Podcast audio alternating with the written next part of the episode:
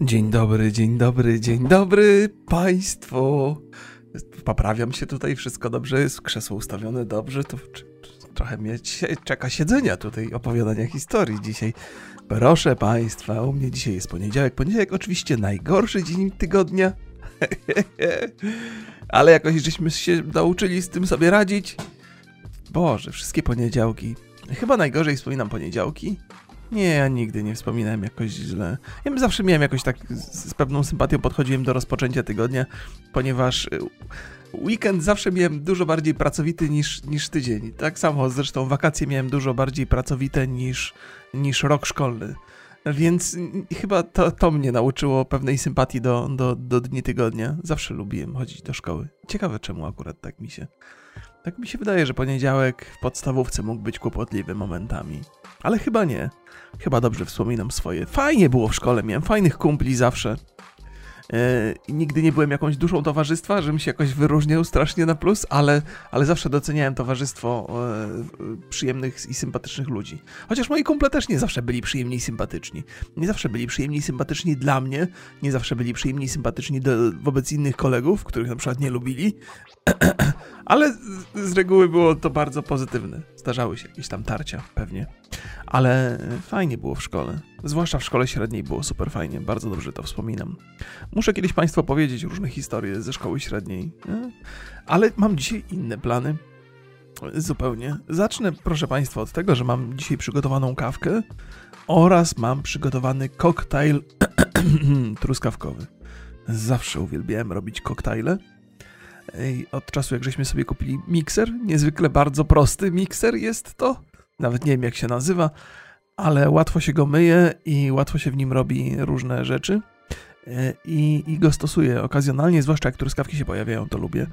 Mm. I myślę sobie, że opowiadam o tym parę razy, że, że bardzo mocno doceniam czas, jaki spędzam na gotowaniu, ponieważ to jest taki moment wyciszenia dla mnie bardzo. Uspokaja mnie to. Przygotowywanie tych wszystkich produktów, krojenie ich, wrzucanie na patelnię, smażenie, że znalazłem jakąś taką równowagę w tym. No i robienie koktajlu to też taki ma wpływ pozytywny na mnie. Jak byłem młodszy, to się zawsze wszędzie gdzieś spieszyłem. I, i każdy, każdy czas, jaki, jaki, każdy czas mi się wydawał zmarnowany. To myślę, że to tato mi taką nałożył, e, te, taki system wartości, że jak czas nie był w 100% produktywny, to znaczy, że go marnuję i muszę szukać. I, byłem, i, i w związku z tym nerwowy taki mogłem być kiedyś tam w przeszłości. A może nie bardzo aż tak nerwowy, ale napięty. O tak, też mi się wydaje, że nerwowy bywam, ale nie jest to regułą. Nie mogę tego tak Państwu opowiedzieć, że jaki to ja jestem, jak jestem nerwowy. Chociaż, ale to musiałbym sobie rozpisać na punkty pierwsze. Proszę miłego Państwa. Wczoraj mieliśmy y, na podcaście Rocky Borys rozmowę z Sylwestrem Wardęgą i jest to bardzo przyjemna i sympatyczna rozmowa. Ona się kleiła, y, było fajnych y, mnóstwo tematów. I, I, bardzo mi się przyjemnie rozmawiało z, z, Sylwestrem. Ja zawsze go darzyłem dużą sympatią, ponieważ y, on mi się wydawał takim trochę outsiderem i trzymał się trochę z daleka od takiej, takiej od tego YouTube'owego gwiazdorstwa. Tam opowiada fajne historie, zwłaszcza, zwłaszcza w tym drugim wywiadzie, wywiadzie, że też miał takie przy, przyrosty ego, kiedy odnosił ogromne sukcesy, ale mimo tego wydaje mi się, że, że jakby pozostał trochę wierny sobie. Y, I, i, i nie nawiązywał jakichś relacji, które mu nie do końca pasują, a byłyby sensowne z perspektywy biznesowej i rozwoju, na przykład e, YouTube'a jego, czy, czy przy rozwoju jego marki. Zawsze, zawsze to, to, to doceniałem. Z, z, drugiej strony on też przy każdym spotkaniu, jak miałem okazję e, gdzieś tam na żywo go widzieć, to taki zadziorny był i tak trochę wzbudzało to mój niepokój, ale teraz, teraz wydaje mi się, że, że zestarzał się, z, z, zwolnił trochę, spokorniał jak każdy zresztą. Bardzo się sympatycznie z nim, z, z, nim rozmawia. Myślę, że on jest zupełnie innym człowiekiem niż kiedyś, a no nie, zupełnie innym to źle. E, bo, to, bo to, tak, to jest nieprawda, to nikt nie jest zupełnie innym niż był kiedyś. Zawsze jesteśmy tacy sami, tylko pewne rzeczy, nabieramy do pewnych rzeczy dystansu, na pewne rzeczy reagujemy spokojniej. E, mamy doświadczenie, nie? Więc tak, tak, widać u niego ten napływ doświadczenia. Zresztą bardzo dobrze zawsze ten internet ogarniał, więc więc y, fajnie sobie radzi, o, dużo, o, o, wielu ciekawych rzeczach opowiedział. I to tam Państwa odsyłam. Natomiast pośród tego Pośród takich pozytywnych e, moich przemyśleń na jego temat jest też jedno takie, które nie jest takie typowe, e, bo on miał okres gwiazdorstwa e, i potem miał okres trochę znikania z sieci i teraz znowu ma okres gwiazdorstwa. To się rzadko zdarza w jakiejkolwiek branży, czy w sporcie. Ostatnio opowiadałem Państwu o, o tenisie i w tenisie też takie sytuacje bardzo rzadko się zdarzają. Opowiadałem o Idze Świątek, że, że jest tak na fali, na szczycie i mój tato mówił, że, że potem będzie z czasem jeszcze lepiej. Ja mówię, kurde, właśnie tak się boję, że ci sportowcy to e, mają szczyt i potem już tak jest trochę słabiej, trochę słabiej. A Iga Świątek bardzo dużo osiąga już teraz, więc kibicuję, że osiągnie jak najwięcej, bo boję się, że takie falowanie, że raz lepiej, raz gorzej, to się w sporcie nie, nie przytrafia. Ale też przypomniałem sobie zaraz yy, przykład yy, Andrea Gassiego. To jest sportowiec, tenisista, który osiągał ogromne sukcesy, jak byłem ma, ma, młodym chłopięciem i potem zniknął nagle a był znany z takiej trochę wariackiej natury i z takiej strzechy włosów. Zawsze tenisiści byli z reguły, z reguły krótkościęci, bo to taki był zresztą sport wysublimowany e, odrobinę, nie tak bardzo jak golf. Chociaż pewnie golf, golf też się upowszechnił trochę bardziej. Ale no to był taki szlachetny sport, tenis. E, a on był takim, e, takim punkiem trochę, właściwie nie wiem czy punkiem, taki, no chyba punkiem można by tak powiedzieć. Taki rockowy był trochę, taki, ale to wiecie, lata 80. to fryzury też były takie dosyć specyficzne, nie?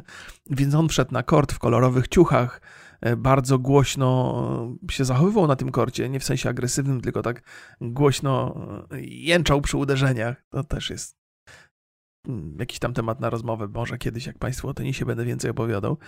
E, no i był takim, taką bardzo, bardzo był widowiskową osobowością i osiągał może nie jakieś wybitne sukcesy, ale spore. Było go wyraźnie widać, wygrywał turnieje, można go było często traktować jako faworyta. Dużo emocji dostarczał i potem zniknął nagle. Nie było go przez jakiś czas widać, a potem pojawił się nowy Andrea Agassi, łysiejący, ścięty praktycznie do zera, dużo spokojniejszy, wyważony trochę bardziej kurpulent, kur, korpulentny, czy kurpulentny, korpulentny chyba, nie? Taki trochę większy się wydawał, ale no nie mógł być, bo był świetnym sportowcem nadal i też zaczął osiągać sukcesy. I taki pomyślałem sobie, o kurde, o kurde, to taka specyficzna sytuacja, że ktoś osiąga sukces po raz drugi e, i, i, i taki nauczony doświadczeniem, nie? Jakby dowód na to, że szaleńcze sukcesy młodości można powtórzyć, jeżeli gdzieś tam trochę rozwagi się w życiu pojawi ale to się nieczęsto zdarza.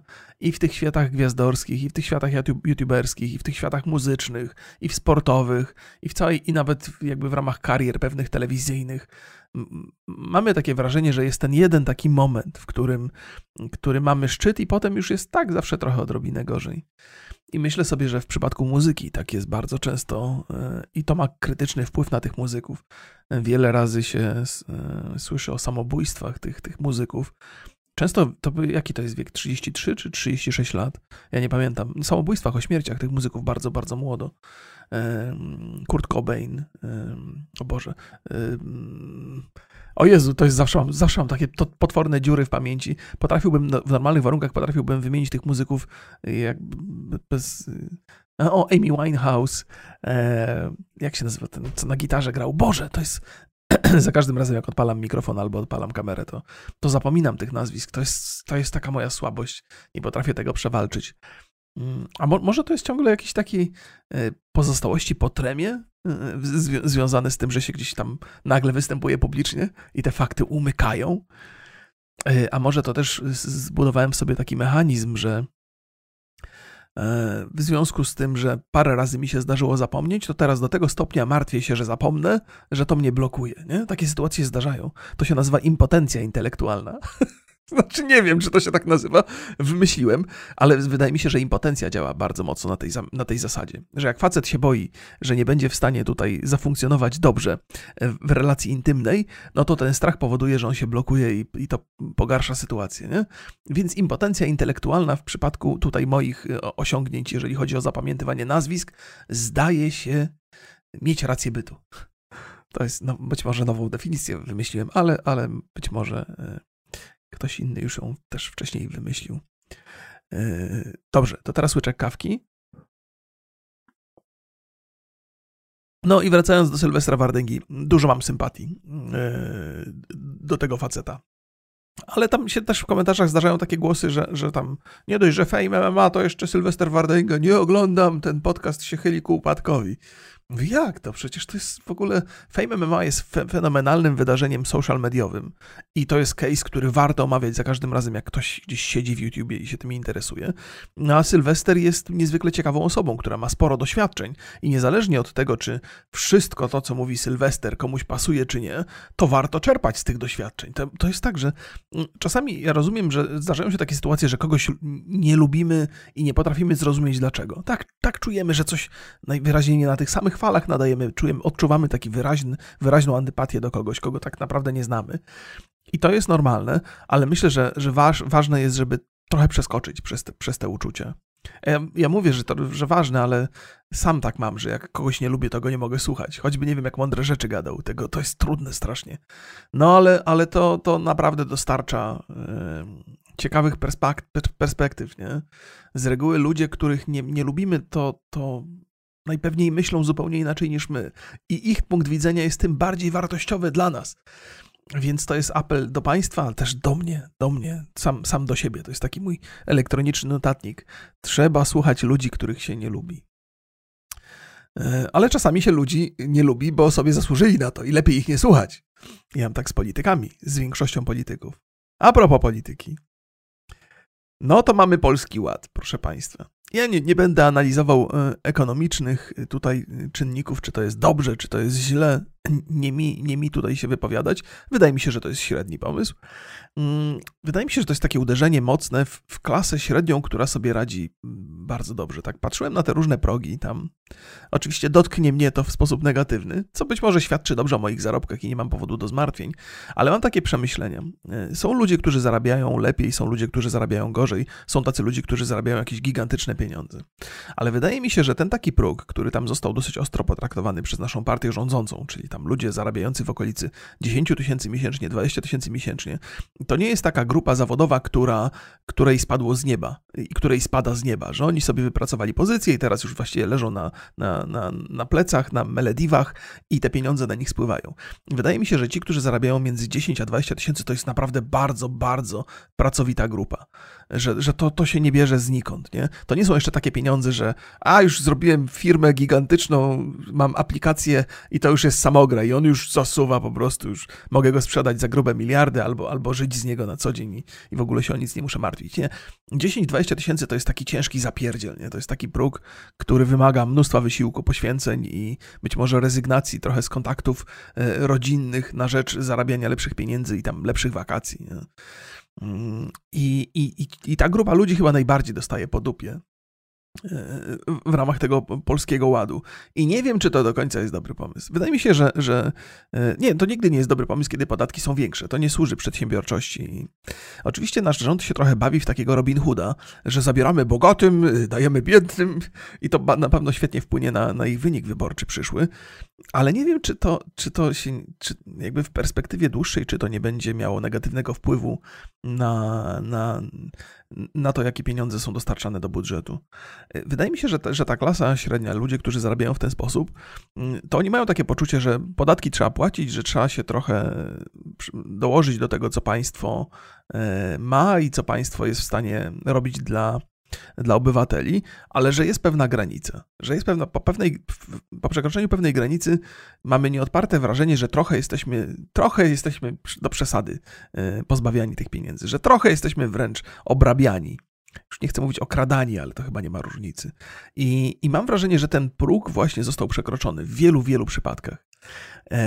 Znaczy, jakby zawsze jest tak, że jest grupa ludzi, która zawsze będzie oszukiwała na podatkach, bo, bo taki, taką mają naturę, ale jest taka, też taka, taka grupa ludzi, która chce być uczciwa e, do pewnej granicy. I wydaje mi się, że ta granica e, w tym momencie została przekroczona dla bardzo dużej e, grupy osób. Moja żona zwróciła mi uwagę na to, ona też gdzieś pewnie to przeczytała albo obejrzała, że moment, w którym został ogłoszony nowy ład, czy ten polski ład, to jest ten moment, w którym w wynikach wyszukiwania Google pojawiła się fraza niezwykle popularna, w jaki sposób przenieść swoją firmę za granicę. Nie?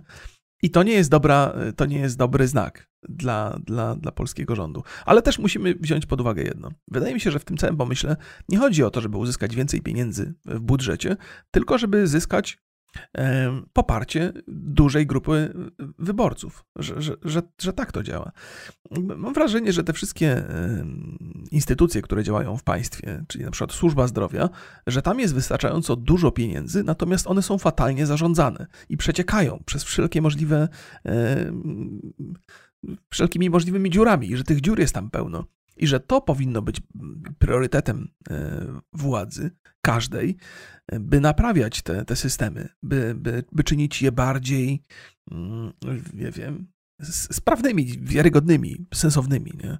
żeby pilnować. Z obywatelami zawsze jest taka Zawsze jest taka zasada, zwłaszcza z pieniędzmi publicznymi, ona chyba też z prywatnymi, ale z publicznymi na pewno, że jeżeli stworzymy przepisy, które są korzystne dla jakiejś instytucji, na przykład dla lekarzy, to w szpitalach pojawiają się nadużycia. Na przykład w Ameryce tak często jest, że przeprowadza się mnóstwo badań, które nie są w ogóle nikomu do niczego potrzebne, ale w związku z tym, że te badania zostały przeprowadzone, to mnóstwo pieniędzy trafia za, za takiego pacjenta. Nie? Więc to jest, to jest jedna strona. Jeżeli, jeżeli yy, te pieniądze, które dostają szpitale, sprzyjają szpitalom i łatwo te pieniądze pozyskać, to w szpitalach dochodzi do nadużyć, by tych pieniędzy uzyskać jak najwięcej. Nie? To jest chyba takie trochę naturalne, biznesowe myślenie. Jeżeli są systemy, które sprawią, że zarobimy więcej, to wykorzystujmy te systemy. I się nikt nie martwi o to, że te systemy też nie, nie są bez dna. Nie? To jest jedna strona. Z drugiej strony, kiedy są systemy niekorzystne dla, dla szpitali i, i nie są zwracane pieniądze za, za niektóre wydatki, za niektóre badania, to tych badań przeprowadza się jak najmniej. I nieważne, że tam pacjent może nie przeżyć, bo nie, nie dostał wszystkich potrzebnych badań, ale się ich robi mniej. Ja nie mówię, że to jest tak, że za każdym razem ma to miejsce i że lekarze nie dbają o, o, o życie pacjenta. Oczywiście, że dbają, jak najbardziej, zwłaszcza to widać. O Jezu, podczas pandemii, przepraszam, zakrztusiłem się, prawie się zabiłem własnym przełykaniem ale, ale się ich robi mniej, ponieważ jest to biznesowo niewskazane. Nie? I to jest taki system, że zawsze jest ten ton albo w jedną, albo w drugą stronę. Albo czasami szpital nadużywa, albo czasami pacjent cierpi, bo, bo szpital nie może sobie pozwolić na niektóre badania. I lekarze oczywiście są tam po środku i oni też są, jakby nie są sprawcami tych, tych, tych sytuacji, tylko są uczestnikami, są, są skazani na różne, na różne sytuacje. Szpitalami też nie zarządza teoretycznie, to, to też, też jest taki twór biznesowy, który musi zarabiać, który musi się utrzymać, który musi znaleźć wypłaty dla lekarzy i tak dalej, i tak dalej. To jest bardzo złożone, ja wiem, ale to, o czym mówię, że zawsze dochodzi do takiej, do takiej, do takiego balansu, do takiego wahadła, że czasami instytucja ma trochę za dobrze, czasami ludzie, pacjenci mają źle, i rzecz w tym, by znaleźć jak naj, najlepszą równowagę. Chyba jeszcze nikomu się nie udało odnaleźć, ale by z jednej strony kontrolować szpitale, ale z drugiej strony dbać o pacjentów, no to jest, to jest, to jest na pewno niezwykle skomplikowany proces. Nie? Ale trzeba nad tym pracować. Nie można pracować nad tym w ten sposób, że dorzucamy tam po prostu pieniędzy. Bo jeżeli system jest niezbalansowany, to dorzucanie pieniędzy niczego nie, nie zmieni. On nadal będzie wykorzystywany za, za bardzo w jakiejś sytuacji, albo będą niedostatki. Trzeba ten system zbalansować, zanim się zacznie tam wiadrami pieniędzy dorzucać. Ale no nie oszukujmy się, te pieniądze, które trafią na ten, w związku z, z tymi składkami zdrowotnymi, to one nie pójdą na służbę zdrowia, tylko pójdą na wydatki rządu związane z przyszłymi wyborami na przykład. Nie? Jest bardzo dużo takiego e, marnowania pieniędzy chyba gdzieś po drodze, co za bardzo Polakom nie przeszkadza w ogóle mało rzeczy nam przeszkadza. Chyba, żeśmy, chyba jest internet. Internet bardzo mocno nas zmienia. Przyzwyczailiśmy się, spójrzmy na, na internet z takiej bardzo błahej perspektywy, z takiej najprostszej, naj, naj, najbardziej yy, i najbardziej sensacyjnej zarazem. Te wszystkie dramaty, kłótnie, jakieś takie afery internetowe, które się przytrafiają, jest ich tak dużo, że spowszechniały nam do tego stopnia, że nie zwracamy uwagi. Są twórcy, którzy nagminnie oszukują swoich yy, widzów i to tak nawet na gruncie zdrowotnym, oferując im produkty, które są szkodliwe, a przedstawiając te produkty jako coś fajnego.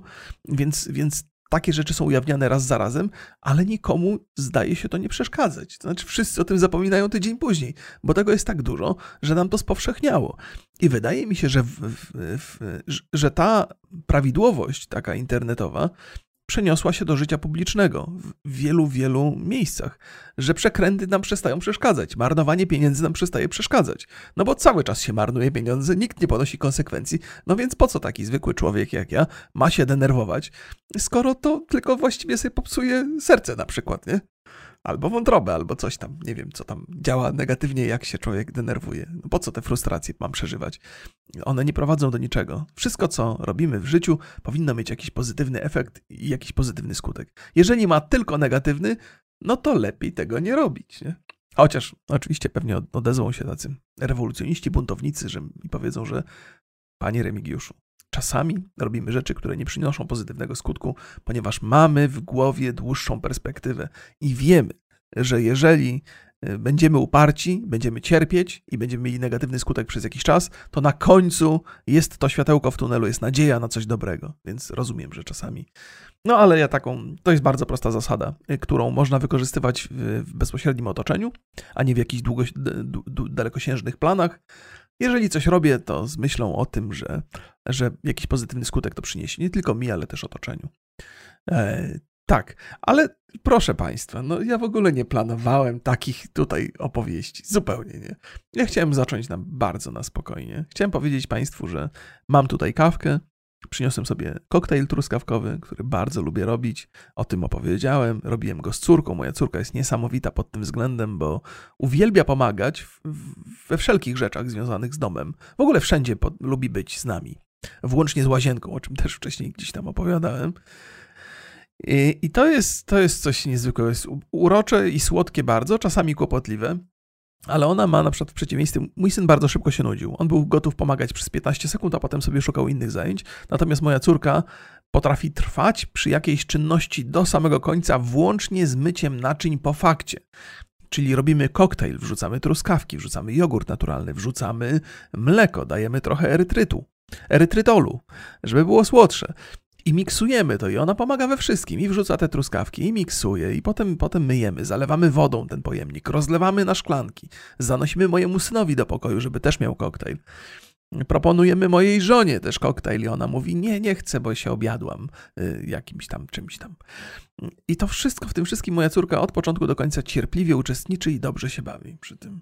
A na końcu daje mi całusa i mówię, papa, idę do pracy, ona mówi, powodzenia, tato, dzyń, dzyń, bo ją nauczy, no, uczę ją takich durnych rzeczy że jak mi, mi życzy powodzenia, to mówi na końcu dzyń dzyń, bo powodzenia ma na końcu dzenia i to takie z dzyń dzyń się kojarzy. Głupie to strasznie, ale taki tak moją córkę przekonałem, żeby tak mówiła i tak mówi i to jest urocze. No i też opowiadałem Państwu, że, że jak za każdym razem, kiedy mówię do mojej córki ufasz mi, to ona odpowiada uf, uf i to też jest super fajne. Więc przyjemnie mi się robi te rzeczy w kuchni w towarzystwie mojej córy. Ale wspominam o tym dlatego, że głupotą było zrobienie tego koktajlu, bo mam taki słowotok, słowotok podczas tego podcastu, że nie ma szans, żebym się go napił. Nawet kawę jak mam, to mi po prostu tutaj leży i stygnie. Od czasu do czasu specjalnie z premedytacją po nią sięgnę i po chwili, od, po chwili odłożę, bo wiem, że nie mam gdzie wbić tego tutaj łyka kawy. Ale teraz z premedytacją...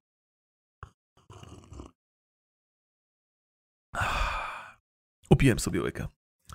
No... Yy chyba jest taka, e, taka presja na, na, na tych podcastowych pogadankach, żeby cały czas mówić, bo jak człowiek przestaje mówić, to ma wrażenie, że to chyba źle coś robi. Przecież jak się słucha tych podcastów, to, to e, jak sam słucham podcastów, to mam wrażenie, że tam cały czas ktoś coś opowiada, ale tak nie jest. Są, są przerwy, są, są chwile do namysłu e, i też powinienem to, to robić.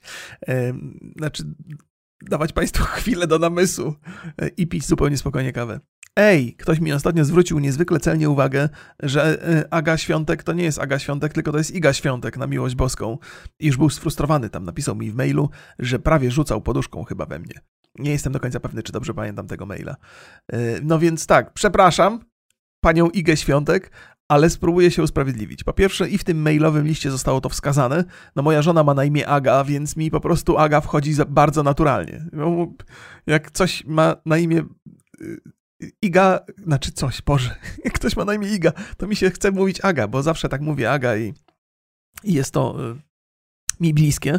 Po drugie, naprawdę to jest y, nietypowe imię. I przy okazji jeszcze, kiedy oglądałem mecz tenisowy z udziałem Igi Świątek, to byłem święcie przekonany, że oni cały czas mówią Aga, ci komentatorzy, co nie jest możliwe, prawda? Bo oni raczej doskonale wiedzą i gdyby popełnili taki błąd, ktoś natychmiast by im go wytknął. Natomiast ta, ta moja sympatia do Agi jest na tyle duża, że nawet jak ktoś mówi Iga, to ja jej tak słyszę Aga, ok? Nie, żebym się tu bronił, to jest fatalny błąd. Jako profesjonalny komentator sportowy powinienem pamiętać, jak taka zacna sportmen, sportsmenka ma na imię i na nazwisko. Proszę Państwa, tym, którzy, którzy nie zrozumieli tutaj pewnej autoironii, to wyjaśniam, że nie jestem komentatorem sportowym. Nie? Czyli mam prawo popełniać błędy.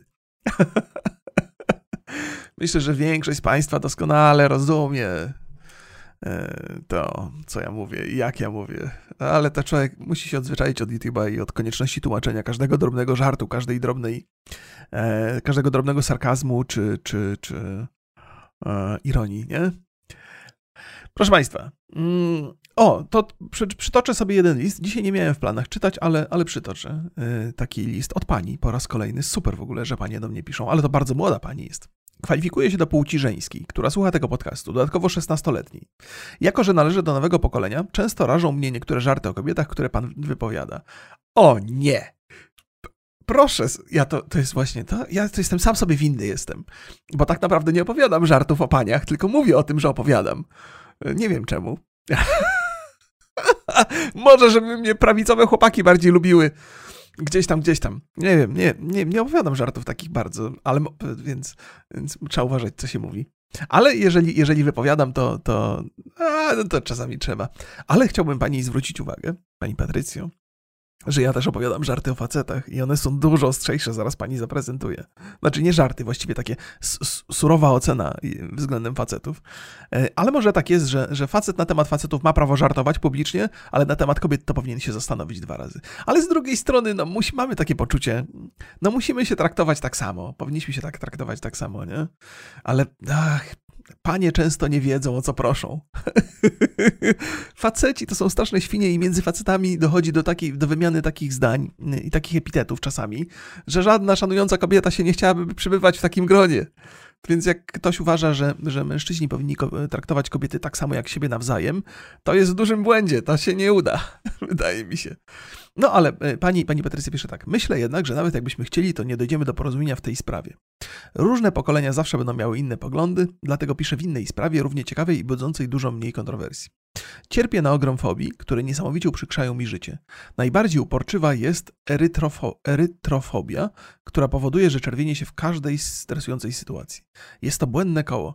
Boję się, że się zaraz zaczerwienie, zaczynam się przez to denerwować i moja twarz e, oblewa rumieniec. Ludzie często mówią coś w stylu, co taka czerwona jesteś, co jeszcze bardziej sprawia, że mam ochotę wycofać się z życia w społeczeństwie.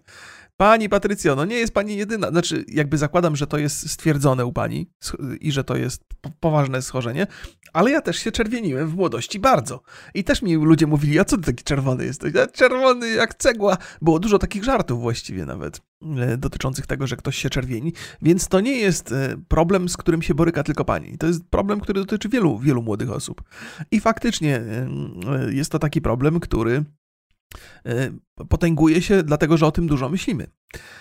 I ja tutaj nie mam dobrych rad na ten temat, natomiast moje osobiste doświadczenia są takie, że w pewnym momencie przestałem się przejmować, że jestem czerwony. To znaczy, byłem czerwony, jak ktoś zażartował, że jestem czerwony, to powiedziałem, no faktycznie jestem. E, ale sobie gadałem dalej, tak jakbym. To oczywiście trochę blokuje człowieka i utrudnia mówienie, ale, ale nie, po jakimś czasie przestaje być krępujący i po, po jakimś czasie przestaje się człowiek czerwienić. Nie? To nie jest coś, co można zwalczyć siłą woli. To nie jest coś, nad czym można się starać, że o, będę się starać nie być czerwonym. Nie, to, to jest coś, co nastąpi prędzej czy później i, I, trzeba się z tym pogodzić, po prostu. Nie, nie można się wycofywać z, z, kontaktów międzyludzkich, tylko trzeba, jak ktoś powie, że ale jesteś czerwona, to mówisz, no taki mam charakter, no taki mój urok po prostu. Ja gwarantuję, że, że, że w żadnym razie w kontaktach na przykład damsko-męskich mężczyźnie nie będzie przeszkadzało, że kobieta zrobiła się czerwona, wręcz podejrzewam, że będzie to mu w jakiś sposób schlebiało. To znaczy, że, że, że mężczyzna wywołuje w kobiecie jakiś rodzaj emocji. Nie wiadomo, czy te emocje wynikają na przykład z fobii, czy na przykład z tego, że on jest taki uroczy, że ta dziewczyna po prostu aż, aż mdleje na jego widok, na przykład, nie? Więc, więc w relacjach damsko-męskich to nie powinien być problem, a w relacjach takich damsko-damskich trudno mi powiedzieć, ale to jest, to jest coś, do czego trzeba się przyzwyczaić, trzeba to zaakceptować, nie? Nie ma co z tym walczyć, bo się nie da, chyba. E, tak mówię ja, człowiek, który żadnej książki na ten temat nie przeczytał i nie jest wykształcony w tej materii zupełnie. E, kolejną fobią jest arachnofobia, przez którą często zdarza mi się być wyśmianą, bo przecież co zrobi mi mały pająk? Przecież on się mnie bardzo bardziej boi. E, pani Patrycja, to jest bardzo dobra fobia, bo dzięki temu mężczyzna niewielkim kosztem może być bohaterem. Moja żona też się boi pająków. Uważam, że to jest niezwykle urocze. Czasami straszę moją żonę pająkiem. Piski są przerażające, ale cieszę się z tego niezwykle. Poza tym potrafię złapać pająka ręką i go zamknąć w dłoniach i wyrzucić go na podwórko, nie czyniąc mu wielkiej krzywdy. I moja żona uważa, że jestem pra naprawdę odważny. że jestem prawie jak strażak, który wynosi dziecko z płonącego budynku. Więc proszę, to jest, to jest taka kolejna fobia, która jest oczywiście upierdliwa i mo, mo, być może ktoś się z niej wyśmiewa, ale proszę się tym nie przejmować. Ja mam wrażenie, że niektóre panie wręcz udają strach przed e, insektami, by mężczyzna mógł się bohaterstwem e, tutaj e, zaprezentować, mimo że to żadne bohaterstwo. Więc to jest taka kolejna fobia, która wydaje mi się, że można, można ją jakoś przeboleć. Wiem, że to na przykład w grach komputerowych jest duży problem, gdzie w, w opowieściach fantazy często występują pająki i no i jak ktoś ma takie lęki bardzo poważne, to nie jest w stanie na to patrzeć po prostu. Ja też mnie czasami ciarki przychodzą, jak widzę pająki w grach. Ale, ale są też na to rozwiązania. Niektóre e, firmy robią te pająki tak, że można je podmienić na coś innego, na przykład na żuczki. I żuczki już nie są takie przerażające. Więc, więc, ale zdarzają się znacznie gorsze fobie. Kiedyś oglądałem jakiś taki program, nie wiem czy to nie był Jerry, Jerry, jak się nazywał? Eee, nie Seinfeld? Ach, Springfield, Spring, Springer, Springer, Jerry Springer, yeah! Przypomniałem sobie nazwisko. Jezus, coraz lepiej ze mną. Jerry Springer, ale to chyba było coś innego. I dziewczyna bała się ogórków. W sensie takim, że ktoś jej przynosił ogórka i ona uciekała krzy z krzykiem i, pani i, i, paniką. To jest dopiero przerażające, nie? bo tam strach przed pająkami, czerwienienie się, to jest coś, co w życiu codziennym można jakoś przeboleć. Nie? Ja wiem, że z pani perspektywy to jest na pewno okropne, zwłaszcza w tym wieku, bo młodą pani jest osobą, ale ale można sobie z tym poradzić. E, no, jakby się pani bała ogórków albo ziemniaków na przykład, proszę sobie wyobrazić, albo kotów, albo rowerów.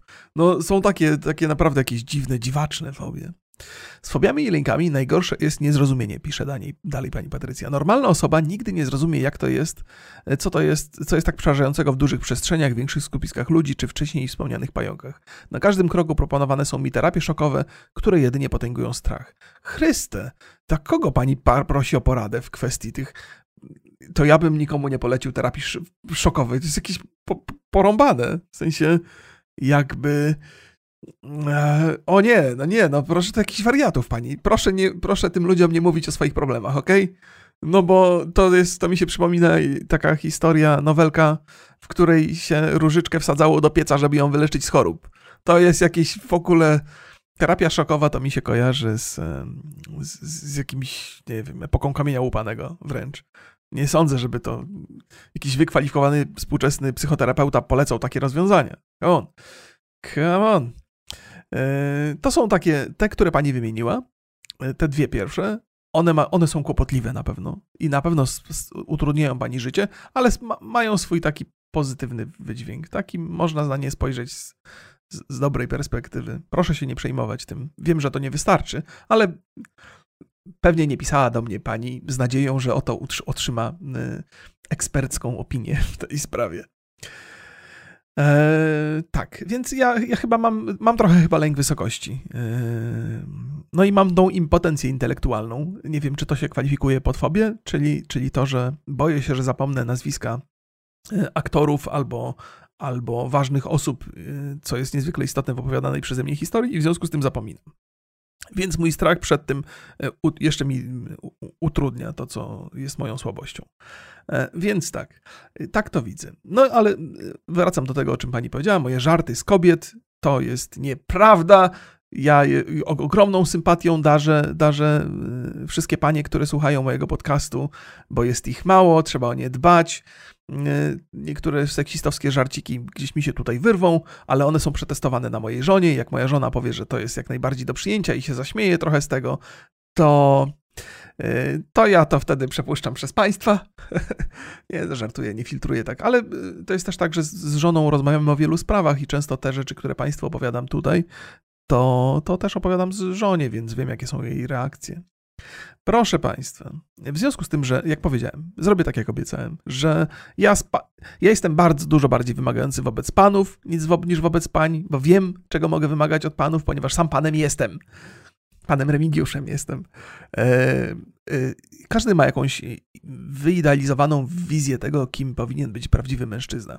I z reguły jest to wizja, która pasuje do, do, do tego, jak sami się zachowujemy. Nie? Czyli krótko mówiąc, jeżeli jesteśmy strażakiem, to raczej myślimy sobie, a prawdziwy facet powinien być strażakiem. Powinien mieć brodę i sumiaste wąsy i umieć trzymać siekierę. Inny facet, który na przykład fantastycznie sobie radzi z pracami domowymi, mówi, że prawdziwy facet to powinien otynkować ścianę, e, zburzyć ścianę, po, powinien potrafić zainstalować nową lampę, położyć kable elektryczne, naprawić kibel i tak dalej. I jemu to pasuje bardzo dobrze do światopoglądu. Natomiast ja mam tutaj zestaw takich, e, takich rzeczy, które oczywiście pasują do mnie do pewnego stopnia, ale to są rzeczy, które wkurzają wielu młodych mężczyzn, którzy się nie kwalifikują do tego. I, I więc to jest też taka opowieść o tym, że ja też sobie e, żartuję trochę z facetów, bardzo mocno e, i czasami mówię wręcz, że facetami nie są, jeżeli jakiejś prostej rzeczy nie, nie robią. Więc ja mam zbiór zasad, czego nie powinien prawdziwy facet. Jest taki znak zapytania, chyba taki tytuł nam podcastu. Więc tak. Prawdziwy facet nie powinien mdleć przy zastrzyku. I często to powiadam i często żartuję z tych, którzy mdleją i, a teraz w nawiasie, oczywiście to niczego nie definiuje. Mówiłem o tym już wcześniej, że, że, że strażak, który niewątpliwie ma się za prawdziwego faceta, też może wśród strażaków być taki ziomek, co mdleje przy zastrzyku. I to nie zmienia faktu, że jest fantastycznym strażakiem. Nie? Ale wychodzi poza obrys moich zasad, więc mogę sobie z niego pożartować. Okay? Nie będę podważał jego męskości, tylko będę sobie z tego żartował.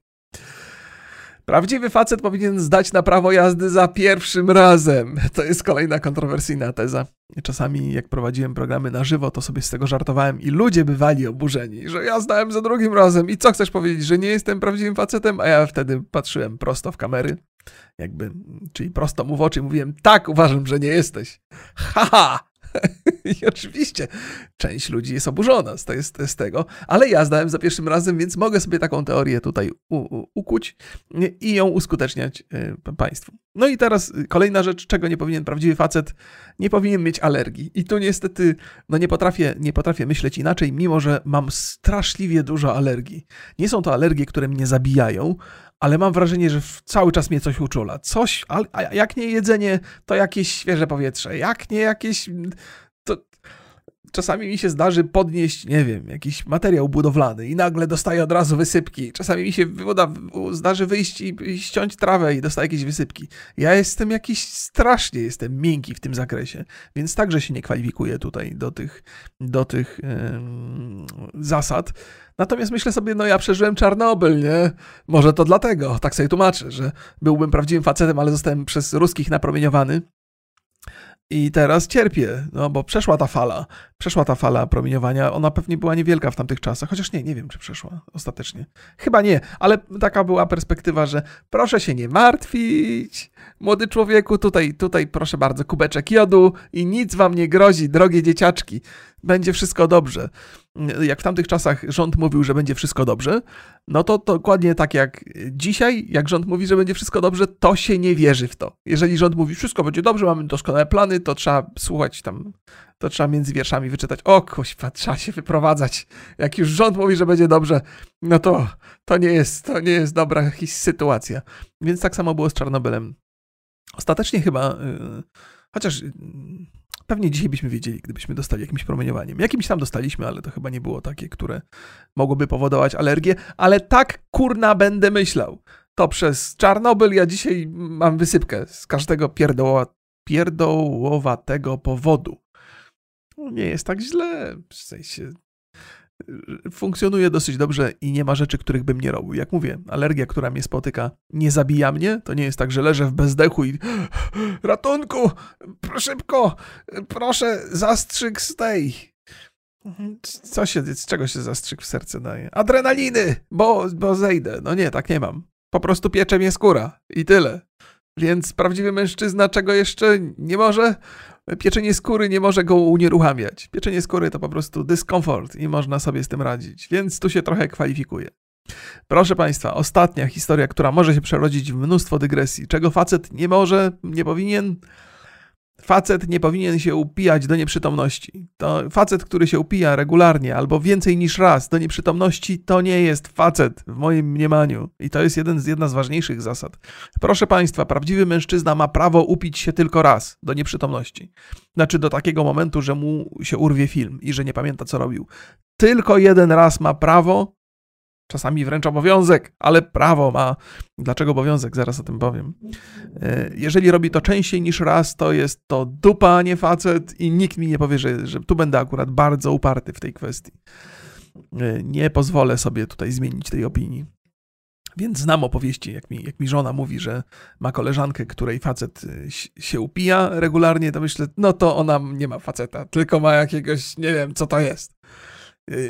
Nie, może przesadzam. Oczywiście trochę, trochę przeginam, żeby, żeby tutaj yy, wzmocnić siłę swoich argumentów, ale dla mnie to jest karygodne, jeżeli mężczyzna traci kontrolę nad sobą. W ogóle, jeżeli ktokolwiek traci kontrolę nad sobą, ale teraz rozmawiamy o mężczyznach. W ogóle, jak dziewczyna traci kontrolę regularnie nad sobą, to jest niebezpieczne i też o potworne, potworne.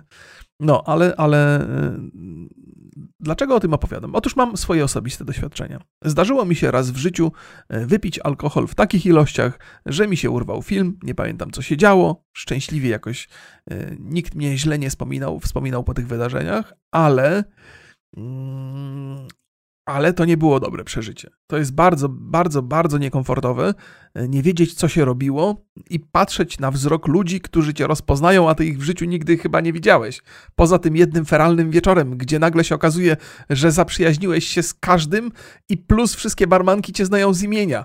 Nie, w sensie ja jestem cichy chłopak, ja tam się nie angażuję w relacje z barmankami, zwłaszcza takimi, które są niezwykle ponętne, a takie bywały w tym miejscu, gdzie się tak upiłem potwornie, a potem po, po iluś tam tygodniach one wszystkie do mnie na imię, cześć Remik, jak tam, nie? Mówię, o shit, nic, no, no jak po staremu jakby. Więc takie miałem atrakcje e, tego wieczoru, więc mogę powiedzieć, że nie skończyło się to dla mnie źle, ale nadal jest pewien dyskomfort e, temu towarzyszy do dzisiaj. E, ale nauczyło mnie to jednej bardzo ważnej rzeczy. Potrafię poznać bardzo łatwo, gdzie leży granica tolerancji mojego organizmu na alkohol. Wiem, ile mogę, ile, ile mogę wypić alkoholu, by zachować pełną sprawność intelektualną i zataczać się tylko delikatnie. Okej, okay, bo alkohol jest dla ludzi, ja jestem sympatykiem alkoholu, w sensie takim, że jest to, jest to rzecz, która nam towarzyszy od wielu, wielu lat i nie należy jej odrzucać z powodu jakichś durnych teorii, natomiast e, trzeba mieć, trzeba siebie znać. Jakby największym, największym problemem alkoholu nie jest alkohol, tylko człowiek. Jeżeli nie potrafimy się ograniczać, ale to jest też taki fenomenalny test, nie? Na, na to, na, na takie człowieczeństwo, że rozumiesz, że coś cię po pierwsze zatruwa, po drugie pozbawia cię e, kontroli nad otoczeniem i jesteś gotowy tam pójść, naprawdę? I jesteś gotowy. Wiesz, że to się może źle skończyć, że nie jesteś bezpieczny, że nie jesteś w stanie o siebie zadbać, i mimo to idziesz tam, to tak jakbyś się pakował do paszczy lwa. Ja nie mogę pojąć, że są mężczyźni, są ludzie, którzy są gotowi to robić raz za razem. Że, że to jest jakaś, że to jest jakiś problem poważny, psychiczny. Nie? I po raz kolejny uważam, że problemem nie jest alkohol, tylko problemem są ludzie. Zresztą tak samo jak w alkoholizmie. Wiele osób traktuje alkohol jako główną przyczynę alkoholizmu. No nie, to jest narzędzie, to jest, to jest... Gdybyśmy na skutek różnych dziwnych e, zdarzeń w naszej przeszłości, rozwoju naszej rasy, wymyślili sobie taki sposób, że no wymyślilibyśmy sobie taką sytuację, że młotek młotek, normalny młotek. Jak się walimy tym młotkiem w głowę, to mamy, to się czujemy e, inaczej. Czyli gdyby, gdyby alkohol zastąpić młotkiem, no to, dobra, czekajcie, zmierzam do czegoś. No i gdyby się ludzie walili regularnie e, młotkami po głowie, no to nadal nie jest to wina młotka, tylko to jest tego człowieka, który dokonuje takich wyborów, nie? No, no i dlatego często mówię, że nie mam do końca zaufania do ludzi, którzy mówią, że alkoholu w ogóle nie piją. Zero. Totalnie. Zero. Nie ma, nie ma absolutnie mowy, żeby, żeby się napili alkoholu. I, i myślę sobie, że mm, teoretycznie, tak na pierwszy rzut oka, to wydaje się bardzo sensowne, to, że to jest dobre przyrzeczenie, że to jest zasada, które, którą warto przestrzegać, ale z drugiej strony mam pewne obawy, bo, bo tworzymy sobie jakąś taką, w ten sposób tworzymy sobie w życiu jakąś taką jakiś taki zakaz, jakąś taką mitologiczną, e, mitologiczne zagrożenie. Tak mito, właśnie de, demonizujemy i mitologizujemy ten alkohol.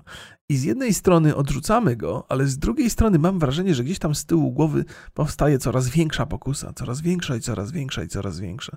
Że kiedy odmawiamy sobie takich rzeczy, które w potocznym życiu przydarzają się każdemu, to, to zaczyna to urastać do, do miary znacznie większej niż na to zasługuje. Że z jednej strony to jest jakiś wielki, ogromny wróg, któremu musimy powiedzieć: Nie, nigdy, nigdy nawet na ciebie nie spojrzę, ty bestio nieczysta, odejdź.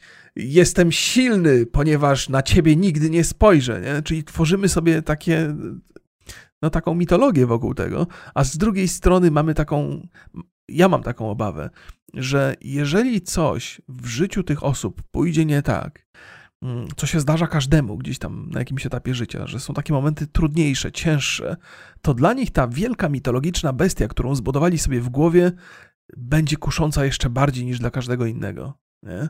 I w związku z tym, że nie mają doświadczeń i odporności na ten alkohol, to alkoholizm może stać się ich udziałem znacznie szybciej niż mogliby przypuszczać, znacznie szybciej niż w normalnych sytuacjach by nastąpiło. Dlatego wzbudza mój to niepokój. To nie jest tak, że ja nie lubię ludzi albo nie ufam ludziom, którzy nie piją alkohol. Często o tym mówię w ten sposób, bo to są łatwe słowa, proste, ale tak naprawdę za tym stoi dużo więcej myślenia takiego właśnie, które Państwu przedstawiłem. Że mam obawy, że trochę się o nich boję, trochę się martwię o nich i próbuję ich przekonać, żeby jednak no z, z, ze mną się nie napijesz, no stary, znamy się tyle lat, no come on, no jednego.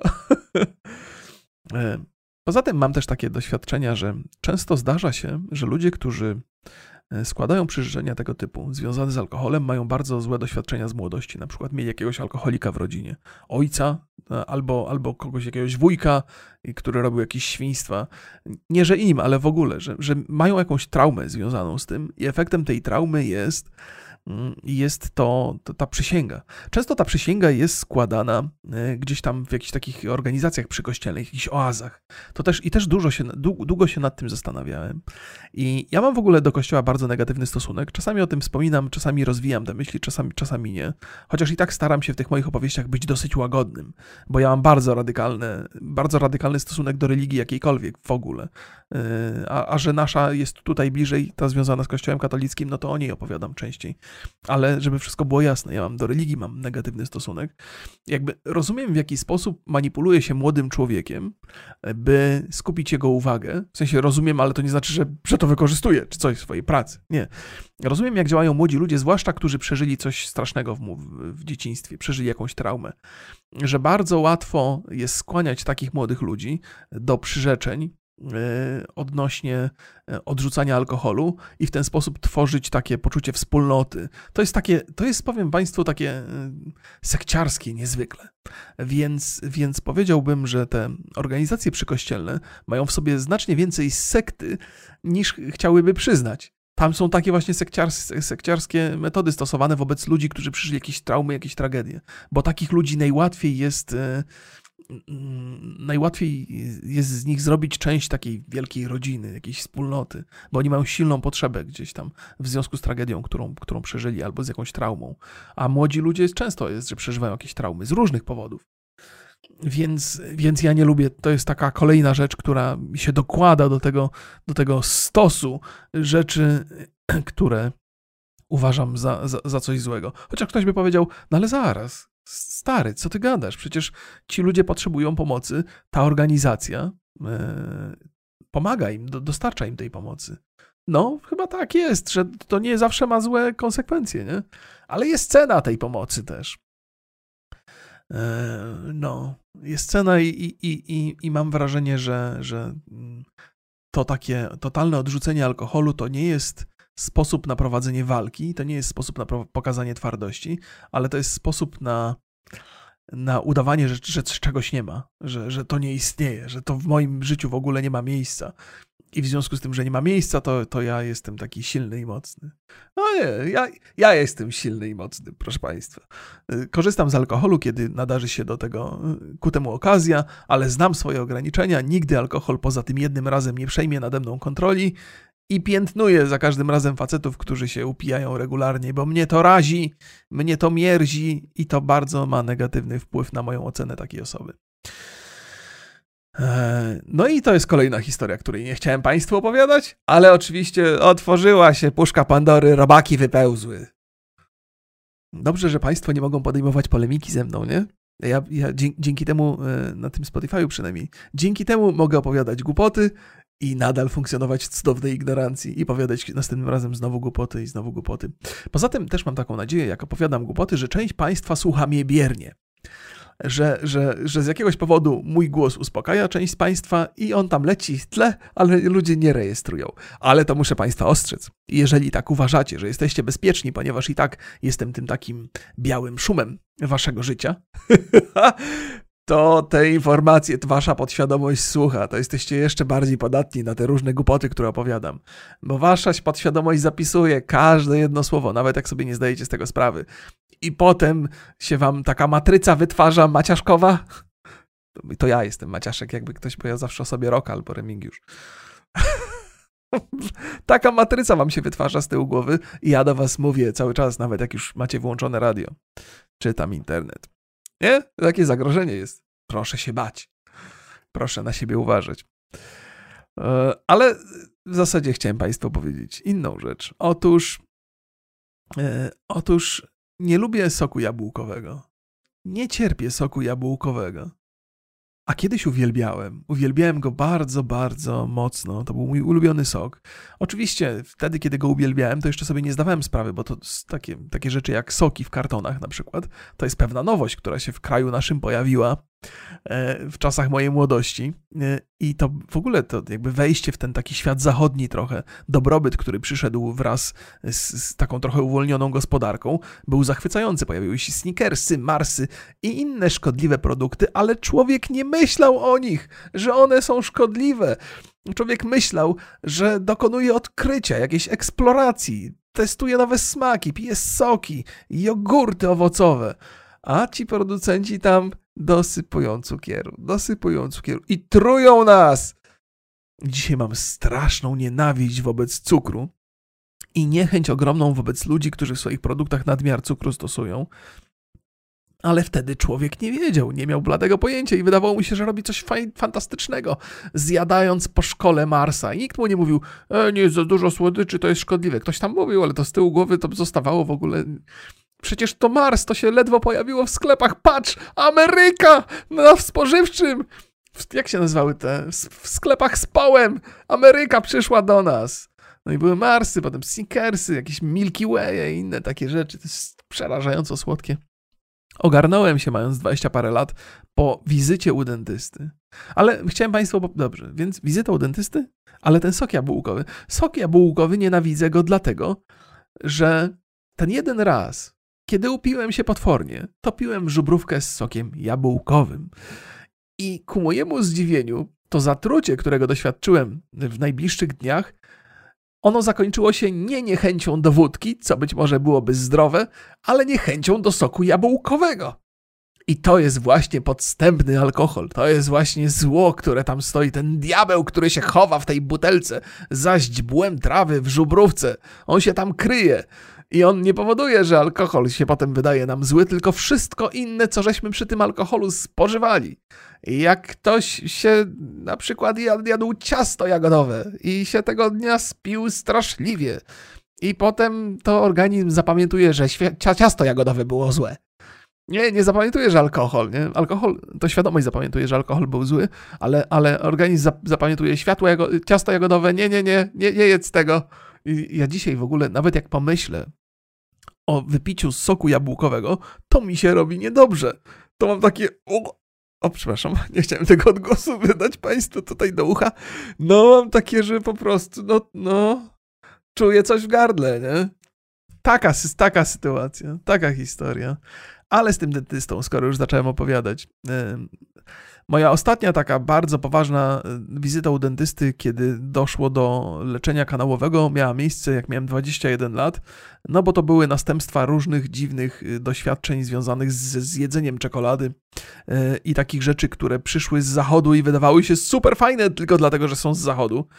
Mm, moi rodzice też chyba nie byli przygotowani na to, ponieważ w ich młodości jadło się słodyczy znacznie mniej, y, konsekwencje nie były zauważalne w związku z tym jakiekolwiek, więc y, nasze pokolenie trochę, trochę ten, ten, te doświadczenia musiało przeżyć. Więc miałem dwa takie. Pierwsze wiercenie dziury w jedynkach to mi się zdarzyło wtedy, bo myślałem, że jestem mądry i że jak będę jadł czekoladę przednimi zębami tylko, nie mieląc jej tam z tyłu, to będzie lepiej, to będzie zdrowiej, bo zawsze przednie zęby lepiej się myje. Ale mi się i tak z tyłu zrobiły dziury. O! To było, I to było strasznie bolesne. O Boże, wiercenie w jedynkach. A miałem panią dentystkę. Najgorsza dentystka na świecie w ogóle, jaka się przydarzyła tylko kiedykolwiek, komukolwiek.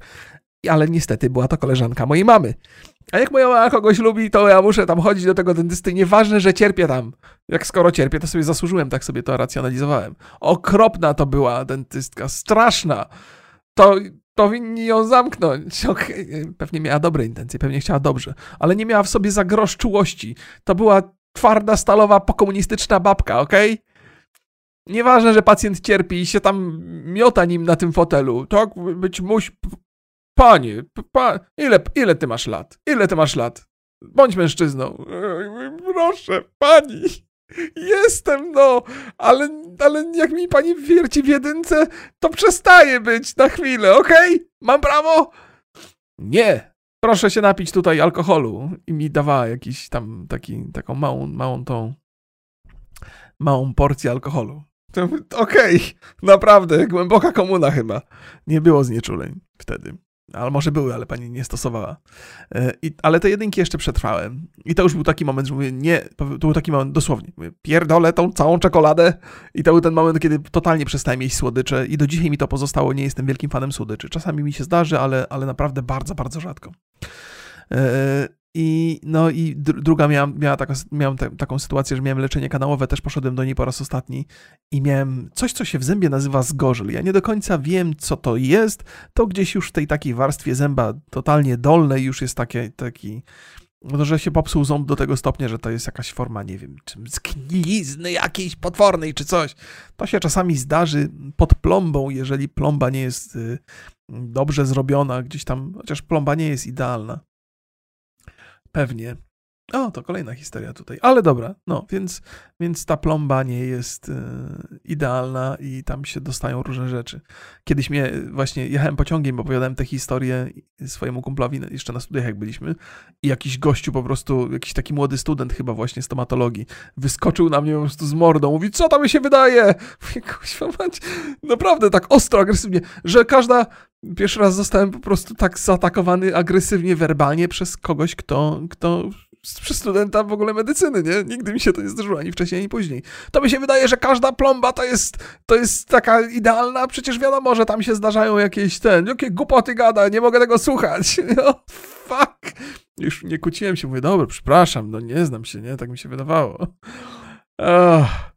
Ale mnie opierdzielił, nie? I to młody chłopak w moim wieku po prostu. On wszystko już miał. No, musiałem po prostu tak przegiąć w tych swoich historiach, że on, no, że nie wytrzymał, że się nie bał jakiejś reakcji z mojej strony, że mu dam w mordę w tym pociągu czy coś, albo że go pobijemy z kolegami. Po prostu nie mógł wytrzymać. No, po prostu wybuchł i to zaprezentował ten, ten, ten wybuch. A mnie zatkało kompletnie. Dostać opierdziel w pociągu od studenta, studenta stomatologii, ja nie wiem. Czy, czy można być bardziej oplutym przez przez życie. No, pierdzielił mnie. No, ale to już niezależnie od tego wszystkiego, to ta, ta, ta dentystka postanowiła przebadać tą moją zgorzel i wsadziła mi taki szpikulec w ten ząb. I to jest, to ja straciłem na, na sekundę przytomność po prostu. Ur, urwał mi się film wtedy. Y, to, to jest taki ból, jakiego nigdy w życiu nie przeżyłem ani wcześniej, ani później. To jest coś nie do opisania. Jakby mi ktoś wsadził rozgrzany nóż w mózg, tego się nie da opisać. Nie? To jest. To, gdybym nie zemdlał, to bym pewnie, nie wiem, jakąś reakcję obronną, jakaś, jakaś dzika reakcja obronna mi się włączyła, pozabijałbym to towarzystwo tam. To jest tak, a, tak, tak pierwotny ból, taki jakiś no nie wiem, no, no to nie, to był taki jedyna reakcja, no dobrze, że, że, że, tam mi się ten film urwał, bo bym pewnie wstał z fotela i zaczął uciekać. Taka jakaś dzikość pierwotna we mnie się odezwała, jak już się ocknąłem. Pamiętam, że tylko ocknąłem się, byłem spłynięty byłem na tym fotelu do połowy, nie? Już wisiałem nogi mi na... Och. No może to mi jakiś student stomatologii zjawisko wyjaśni. Ja zawsze miałem się za odpornego człowieka na ból, zwłaszcza, że wszystkie zabiegi dentystyczne były robione na żywca w czasach mojej młodości, więc wiercenie w zębie jest dla mnie przerażające dzisiaj i za każdym razem proszę o znieczulenie, natomiast przeżyłem swoje i wiem, że jestem w stanie to znieść, ale nie zamierzam tego znosić, ok? Tylko dlatego, że, że dentysta ma deficyt w środkach znieczulających. No, i takie były historie z moim dzisiaj sokiem jabłkowym, z wódką, z alkoholizmem. Ech, to z alkoholizmem nie byłem przygotowany na tą rozmowę. Czuję, że tego nie, nie do końca, że nie do końca dobrych argumentów używałem, ale nie szkodzi. Co mi zrobicie? Napiszecie do mnie? No jak? Komu się chce? To jest cudowne w tych mailach, że jak już ktoś pisze ten mail, to wie, że nikt poza mną tego maila nie przeczyta. I to zdecydowanie, e, to zdecydowanie E, reguluje silne zapotrzebowanie, które występuje w miejscach publicznych, by popisać się nie tylko przed twórcą i go obrazić, ale też przed innymi uczestnikami dyskusji. Ludzie piszą hejterskie komentarze, Albo powiedziałbym, ludzie piszą y, konstruktywną krytykę, nadużywając niechęci wobec twórcy publicznie tylko i wyłącznie dlatego, by trochę zaimponować innym ludziom, którzy także będą ten komentarz czytać. W mailach to się nigdy absolutnie nie zdarza. Nikomu się nie chce na mnie wieszać psów, jeżeli tylko ja będę to czytał. Więc nawet jak są ludzie zbulwersowani, to bardzo szybko zaczynają się niezwykle konstruktywnie i sensownie wypowiadać i mi tłumaczą bezdenne pokłady mojej głupoty w sposób nieodrzucalny, poparte argumentami i jedyne co mogę zrobić, no, no trudno, no faktycznie, no chyba ma rację. Może o tym opowiem, że miał rację, a może nie, po co się przyznawać do głupoty. To jest jeszcze jedna rzecz taka, która w działaniach internetowych się często sprawdza. Jeżeli człowiek wystarczająco często będzie o sobie mówił, że jest głupi, to w końcu ludzie w to uwierzą. to, to jest jedna rzecz. Z drugiej strony, i jest to pokusa ogromna, kiedy człowiek będzie nieustająco sobie mówił, że jest mądry i że pomaga innym, że wspiera, że jest wspaniałym mężem, wspaniałym ojcem, to też ludzie w to uwierzą. To jest pułapka, przed którą trzeba się bronić. Ale też trzeba uważać. No, trzeba być Shit. No bo co, czy to jest moja wina, że państwo tak się dają strasznie zmanipulować, że, że to was zostaje? I nie wiem, jak to jest. Nie wiem, jak to jest. No, z jednej strony to dobrze, że są takie mechanizmy, które powodują, że zapamiętujemy rzeczy, które żeśmy usłyszeli. I to wzbogaca nasze doświadczenia i dzięki temu my postępujemy rozsądniej albo unikamy jakichś błędów. To są śladowe ilości, bo jednak ludzie lubią popełniać błędy na własną rękę. Cudze błędy niewiele nas uczą, ale generalnie jest tak, że, że słuchamy, absorbujemy to jakoś, czasami świadomie, czasami nieświadomie, coś tam zyskujemy. Ale też efekt jest taki, że jak ktoś wciska ludziom głupotę, to też ludzie absorbują, tak? I możemy powiedzieć, o, nie wolno słuchać bezmyślnie, trzeba zawsze filtrować, trzeba zawsze się angażować, trzeba sprawdzać.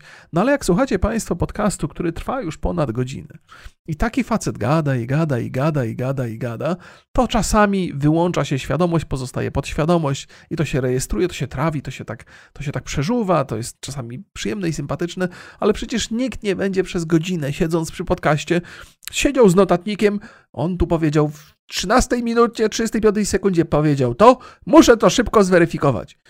I taki, taka lista powstaje po jednym podcaście 10 czy 12 rzeczy, które trzeba najwyraźniej zweryfikować, i potem idę, sprawdzam każdą osobno. I to nie, że z jednego źródła, tylko trzeba kilka źródeł. No przecież tak nikt nie robi, no. I dlatego, proszę Państwa, przyswajamy rzeczy rozsądne, ale też przyswajamy głupoty, trzeba się z tym godzić. I dlatego, proszę Państwa, zawsze opowiadam o tym, że, nie, że oczywiście warto mieć dystans wobec poglądów innych ludzi i warto mieć wątpliwości, ale jeszcze bardziej warto mieć wątpliwości wobec własnych przemyśleń. Trzeba mieć dystans do swoich, do swoich, kurde, potrzeb i do swoich. No, nie wolno sobie ufać w tych kwestiach. No, musimy wiedzieć, że jesteśmy poddawani różnym wpływom i coś, co jest yy, jakimś naszym systemem wartości, jest, jest, zostało nam narzucone trochę z zewnątrz, nie? Akceptujemy rzeczy, które nam się podobają automatycznie. Nie akceptujemy rzeczy, które nam się nie podobają też automatycznie. No bo musimy tak robić, bo zalew informacji jest taki ogromny, że musimy to jakoś trawić na spokojnie, bo by nas zatkało, byśmy się udusili. E, Więc z jednej strony, z jednej strony e, rozumiem, że, e, że przyswajamy za dużo informacji bezmyślnie, a z drugiej strony, że no przecież nie ma wyjścia, nie? Chciałoby się wszystko weryfikować, ale się nie da. E, chyba jedyne, co nam pozostaje, to nadzieja, że słuchamy ludzi w miarę rozsądnych. To jest jedyna szansa dla nas. Jak, jako, że wydaje mi się, że udowodniłem, że nie da się tego wszystkiego przefiltrować, no to, no to można mieć albo pecha i trafić na ludzi, którzy są fałszywi i, i albo mają narąbane w głowach i robią dokładnie z waszymi głowami to, co się stało z ich głowami, albo będziemy mieli szczęście i gdzieś tam po drodze trafimy na ludzi, którzy mówią rzeczy rozsądne i wpłynie to na nas pozytywnie. Jak ze wszystkim w życiu, nie? Że można się starać, można pracować, a często to się sprowadza do tego, czy mieliście pecha, czy mieliście szczęście. Czy trafiliście na właściwych ludzi, czy nie. Są takie zbiegi okoliczności. No, ale czy to też nie jest pesymistyczne myślenie? Czy to nie zabija taką, takiej wizji, że, że sami nad sobą pracujemy, że sami generujemy swój świat? Cholera. Ach, to jest inna w ogóle porcja przemyśleń. Czy to, co mamy, to zostało nam przeznaczone, czy też po prostu mamy jakiś wybór? No i proszę, tak jak mówiłem, wypiłem dwa łyki kawy i teraz zimna kawa, koktajl, który się już trochę, trochę się już, e, jak to się mówi, że się rozdzielają te warstwy? To już się trochę rozdzieliły te warstwy, już się nie będzie przyjemnie go tak piło. Pozdrawiam Państwa bardzo serdecznie. Super się mi dzisiaj opowiadało e, te moje bzd- bzdurki. Przypominam Państwu, kontakt do mnie też nie mam pojęcia, małpa gmail.com. Proszę pisać, yy, czytam. Pozdrawiam. Do zobaczenia. Pa, pa.